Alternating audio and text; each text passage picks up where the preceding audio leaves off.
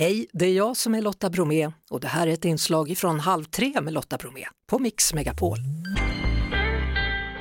Hallå där och stort grattis Miranda! Tja! Tja. Tack så jättemycket. Hur känns det att vara historisk? Um, ja, fast det har gått några dagar tror jag fortfarande inte riktigt har slått in än, men det börjar väl slå in och det känns overkligt och jag är så glad och tacksam att jag kunde vara med på tävlingen och att det gick så bra som det gick. Ja, för den som inte vet vad parkour är, kan du förklara?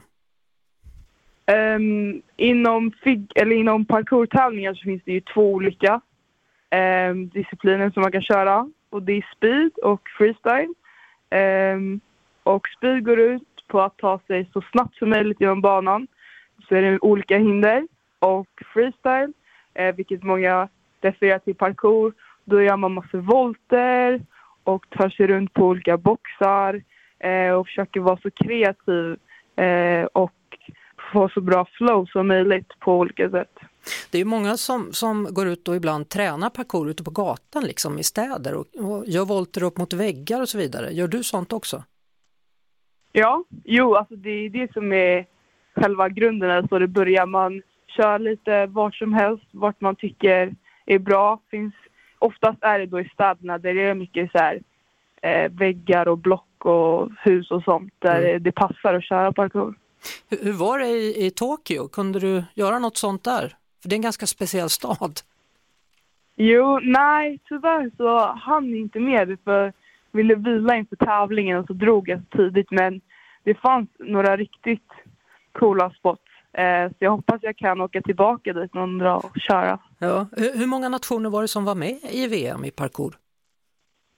Bra fråga. Jag vet inte, men det var väldigt många och väldigt många länder jag inte har sett förut som var med. Jag, jag såg ju det, jag såg en film på när du klättrar upp för hela det här. Du, är så otroligt stark i hela kroppen, man ser ju det. Ja, tack så mycket. Ja, men har, har, du- har du blivit så stark bara genom att hålla på med parkour eller tränar du extra liksom i gymmet eller? Eh, innan, fram till 2019, körde jag inte alls på gym och sånt. Men när jag skadade mig då, då var jag tvungen att börja gymma. Och sen dess har jag kört eh, gym också och då kör jag eh, tre till fyra gånger i veckan på Mm. gymmet. Hur, hur hade du skadat dig med, i parkour eller? Ja, jag skadade min menisk och det var delvis för att jag var för svag. Ja.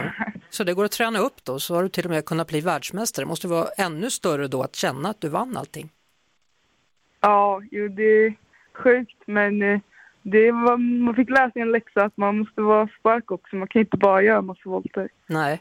Hur, hur, eh, var har du medaljen nu då? Medaljen eh, eh, ligger hemma och ska nog eh, ramas in. Det tycker jag. Stort, stort grattis! Eh, Är det någon annan tävling på gång nu för dig eller vad händer? Nu har vi haft tävlingar eh, hela sommaren och ett bra tag så nu blir det en paus fram till maj eh, när det är världscup igen i Frankrike. Då önskar jag dig lycka till i nästa års världscup då. Stort tack för att du ville vara med i Halv tre Miranda. Tack så jättemycket! Det var det. Vi hörs såklart igen på Mix Megapol varje eftermiddag vid halv tre. Ett poddtips från Podplay.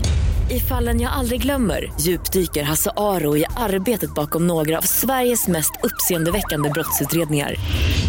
Går vi in med hemlig telefonavlyssning och, och då upplever vi att vi får en total förändring av hans beteende. Vad är det som händer nu? Vem är det som läcker?